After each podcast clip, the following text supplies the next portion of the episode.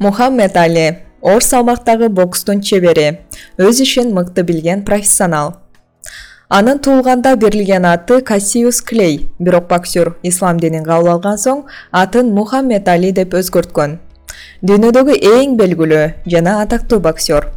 Он жетинчи жайкы олимпиада оюндарынын оор салмактагы бокс түрү боюнча жеңүүчүсү жана оор салмак боюнча дүйнөнүн абсолюттук чемпиону бир нече белгилүү журналдардын сурамжылоосу менен мухаммед али дүйнөдөгү эң таасирдүү жана эң мыкты спорт чеберлеринин катарын толуктайт.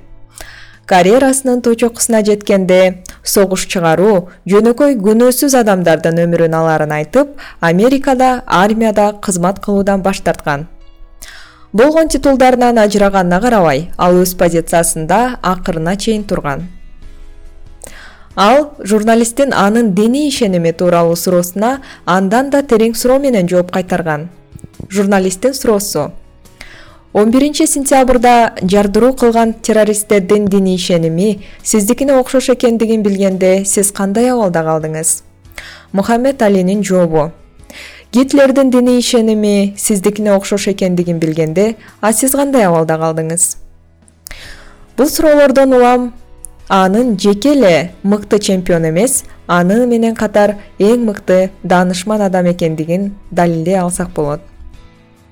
Мухаммед али тандаган багыты боюнча тынбай эмгектенип болгон күчүн жумшагандыгын анын төмөнкү сөздөрүнөн билсек болот.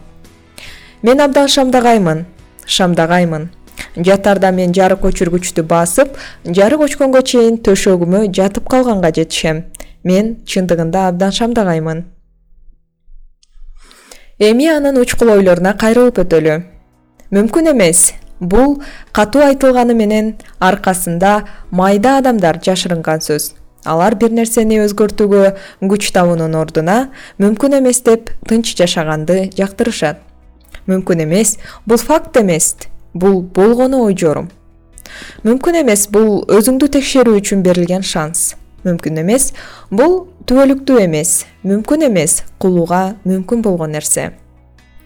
Өткөн каталарга кечке эле кейип кепчий берүү эң олуттуу ката. Күндүн соккусунан башка бир дагы сокку жоопсуз калбашы керек. Сага сен чыга турган тоонун алыстыгы эмес бут кийимиңе кирип кеткен таштар тоскоол болуп жатат. Ушуну менен урматтуу достор бүгүнкү жаштар подкасты жыйынтыкталат. Эгерде сиздерди кызыктырган кайсы бир каарман болсо анда ушул подкасттын акырына комментарий калтырыңыз. Биз ал инсан тууралуу сиздерге маалымат даярдап берүүгө кызыктарбыз